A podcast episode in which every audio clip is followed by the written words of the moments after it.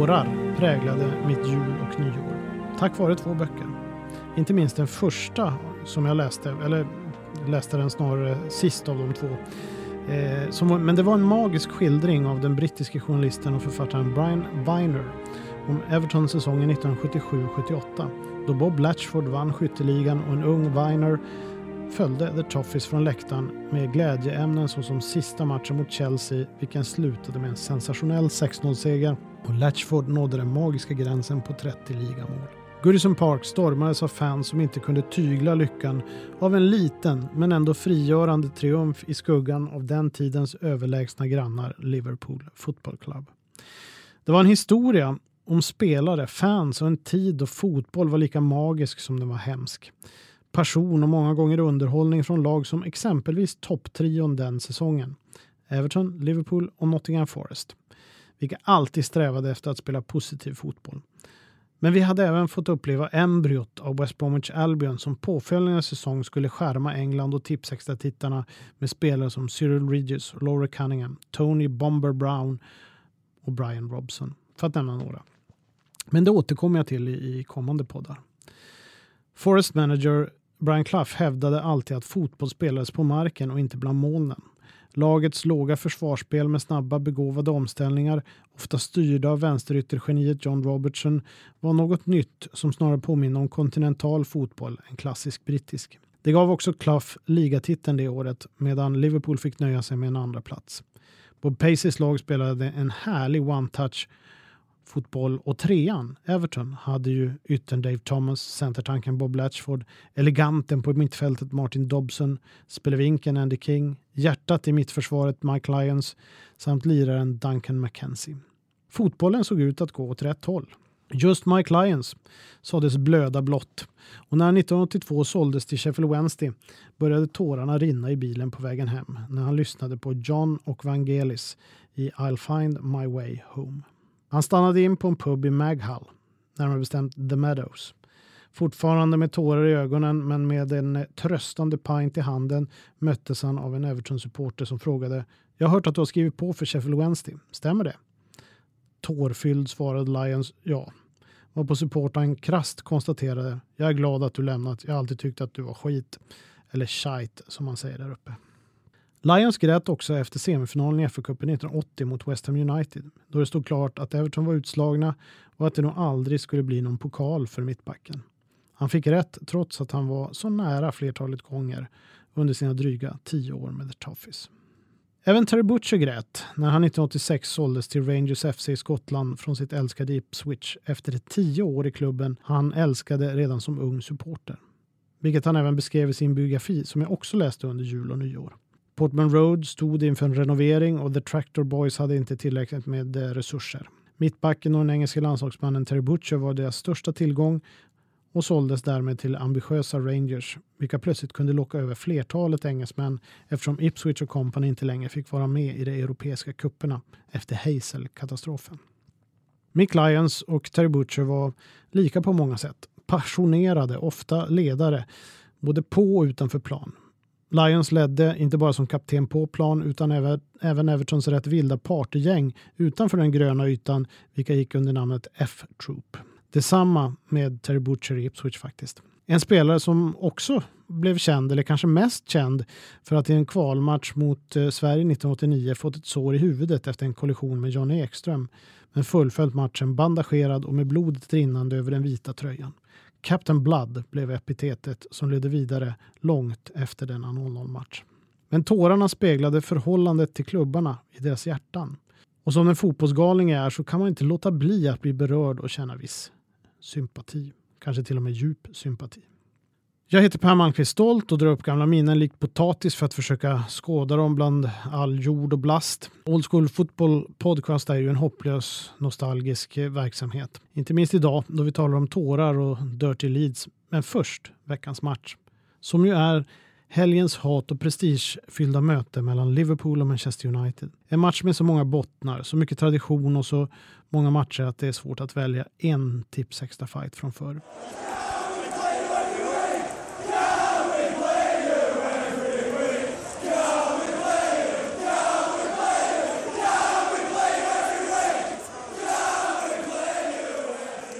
Men för min del så sticker ligacupfinalen 1983 ut som något alldeles extra. Hårdsatsande, Manchester United hade inte lyckats nå upp till nivåerna från Matt Busbys dagar på 60-talet. Under 70-talet blev det till och med en säsong i division 2. Men 1983 var United och dess färgstarka manager Ron Atkinson ett satsande lag. Just denna dag, den 26 mars, på Wembley mot Liverpool saknades stjärnan Brian Robson. Men mittfältet var ändå imponerande med högerbreddaren Steve Couple tillsammans med eh, Remy Moses, Ray Wilkins och Arnold Myren. Längst fram fanns Frank Stapleton och den unge och begåvade nordirländaren Norman Whiteside.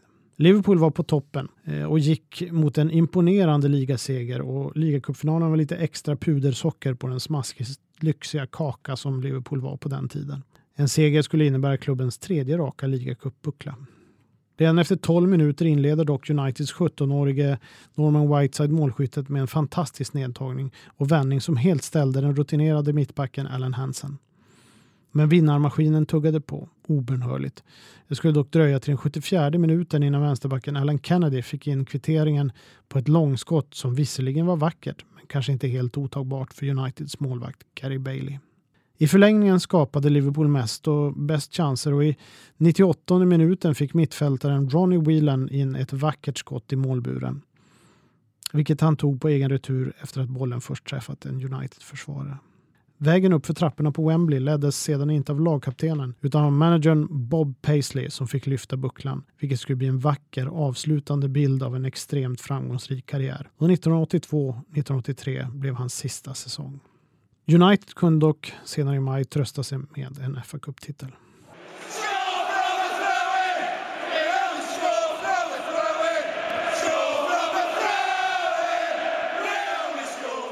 Managern Don Revie tog Leeds United till storhet. Från mitten av 60-talet till mitten av 70-talet var det inte bara ett av Englands och Europas främsta lag utan också kanske det mest fruktade.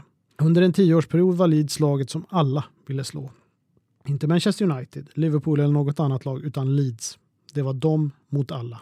Allt byggde på Reeves syn på det starka kollektivet. Dirty Leeds var en beteckning som användes rätt ofta och det har också fått stå till svars för den brutalitet som satte sina spår i fotbollen på den tiden. Reevy själv menade att epitetet möjligtvis stämde i början av framgångseran men i slutet spelade laget en mer underhållande fotboll. Reeve gjorde om Leeds från grunden.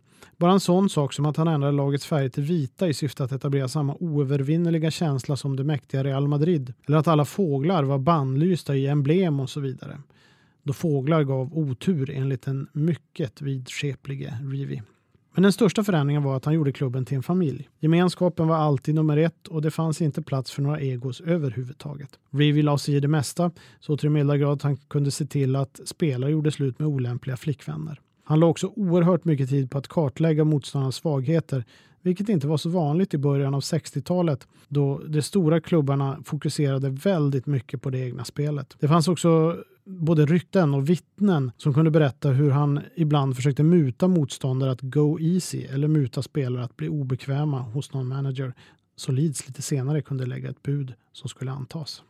När Brian Clough tog över Leeds under 44 ödesdigra dagar 1974, då Reevy utsätts till förbundskapten för England, kritiserade Reevy Clough hårt för att inte hälsat på alla i klubben och vikten av att ta hand om spelarna. Exempelvis kunde Reevy vara massören behjälplig, något som knappast Clough ansåg som hans jobb. Clough hade å andra sidan andra problem med Leeds och Don, Don Reevy, eh, vilket var nästan som ett rött skynke för honom under hans tid i Derby County. Därför var det kanske ett av de märkligaste besluten någonsin när han fick ta över efter Reevy och han inledde också med att samla spelartruppen och konstatera att de skulle glömma sina medaljer och titlar eftersom det var baserade på fusk. Därmed ingen större överraskning att det sket sig för Clough i Leeds. Reevy hade under en tioårsperiod byggt ett lag på en och samma generation av spelare. De ställde upp för varandra gentemot en omvärld som bara ville dem ont. Det fanns inga medel som var för fula i syfte att kollektivet Leeds skulle ta poäng. Clough frystes hus. Eh, så även de spelare han tog med in, exempelvis John McGovern, en trotjänare som följt Clough från dagarna i Hartlepool. Leeds stjärna Johnny Giles, berömd för sin ackuratess i passningsspelet, la medvetet usla bollar till McGovern. Det gick inte att komma in i sekten om du hade fel bakgrund. På den positiva sidan kan konstateras att spelarna från Rivis Leeds klarat sig riktigt bra efter karriären. Inga spelskulder, alkoholism eller annat som drabbat andra fotbollsstjärnor. Och det håller fortfarande ihop.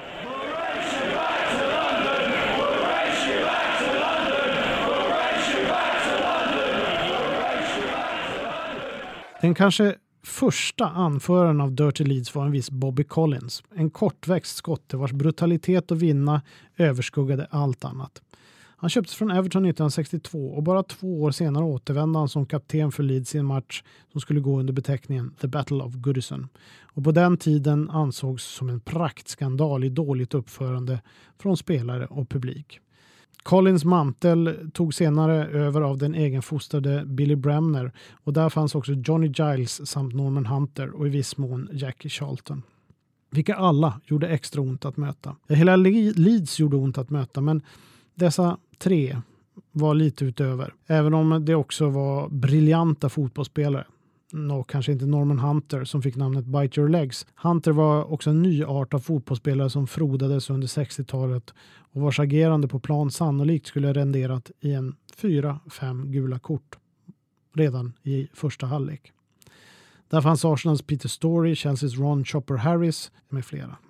När liraren Frank Worthington i en match gjorde Johnny Giles till åtlöje genom att vid hörnflaggan flippa bollen över egen axel och Giles huvud fick han strax efter följande budskap. If you ever take the piss out of me or Leeds United again, I'll break your legs. Sånt sägs väl, men när det gällde Leeds så existerade inga tomma hot. Och det visste Worthington. Derby Countys kraftfulla mittback Roy McFarlane var en god vän med Norman Hunter på landslagssamlingarna där leadspelaren ofta bjöd på te och kex och de kunde sitta och snacka. Dessutom hade Hunter givit McFarlane goda råd när Reevy tog över England. Då McFarlane och kompisar ur Derby-kontingenten såg fram emot en hel kväll på klubb. Men Hunter var tydlig med att de inte fick lämna hotellet under några som helst omständigheter.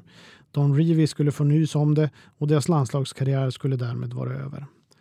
Det blev några öl och kortspel istället, men de var kvar på hotellet.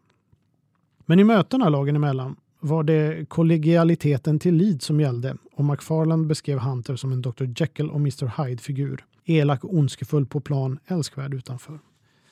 McFarland, eh, som var en stor och kraftfull mittback, fick erfara Hunters onda sida på match och det var alltid när någon tagit sig in i ett område som Hunter ansåg vara sitt revir. Vid ett tillfälle sänkte han McFarland med en fruktansvärd tackling. Nerför marken kunde McFarland undslippa ett “ta lugnt Norman” varpå Hunter lutade sig ner. “If you come back there will be plenty fucking more of that”. Ingen kom undan och just i en match mellan Derby och Leeds på Baseball Ground 1975 drabbade Francis Lee eh, forwarden i Derby och Norman Hunter samman i vad som skulle ses som en stor skandal på 70-talet. Hunter var irriterad över en straff som Lee fått tidigare och han väntade på sin hem vilket kom i andra halvlek då det tur började gräla om något varpå Hunter gav Lee en höger, så den ettrig och hetlevrade anfallarens läpp började blöda. Lee blev galen och började veva efter Hunter. Omhändertagna av medspelare hotade Lee att det skulle gå att se senare, varpå Hunter svarade se fram emot det. Spelarna fick separeras och följas ut i omklädningsrummet. Återigen var Roy McFarlane med i händelsernas centrum. Som skadad satt han oombytt på Darbys bänk och managern Dave Mackay bad sin lagkapten att följa med in för att se till att inget hände. Det slutade med att han fick barrikadera omklädningsrumsdörren då Lee innan läkarteamet han började sy flög upp från britsen och skulle ut och göra upp med Hunter. Ur vägen Roy, jag ska döda den jäveln Hunter. Det hela slutade med att fysion Gordon Guthrie fick ge Lee björnkram. Lite barnsligt kan tyckas, men i fotboll rinner känslorna över ibland och de flesta av oss har väl varit med om något liknande oavsett nivå. Dessutom var Francis Lee och Norman Hunter en riktigt dålig kombination med tanke på deras sätt och humör. Även om det varit landslagskompisar i England så var det inte särskilt hjärtligt framöver. Det var också ett bra exempel på hur Leeds stod fram och påverkade motståndarna. Fick dem ur balans. Obrottslig gemenskap inåt, brutalt krig mot omvärlden utåt. Lite som en sekt. När Alan Peacock skrev på för Leeds i början av 60-talet konstaterade han att det bästa nog ändå var att han slapp spela mot dem, för då skulle det i vart fall inte sparka på honom. Johnny Giles summerade inställningen. När folk talar om att Leeds spelar smutsigt glömmer man hur det var på den tiden. Du var tvungen att ta hand om dig själv. Det fanns så många spelare som numera skulle bli avstängda för en hel säsong.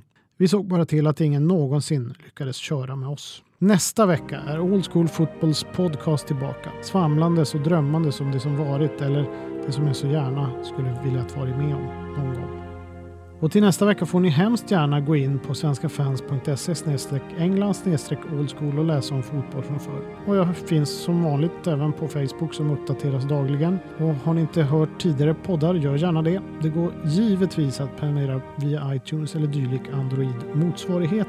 Annars kommer ett nytt avsnitt vid varje lunch varje fredag. Old School Fotboll i väntan på lördag. Skål på er!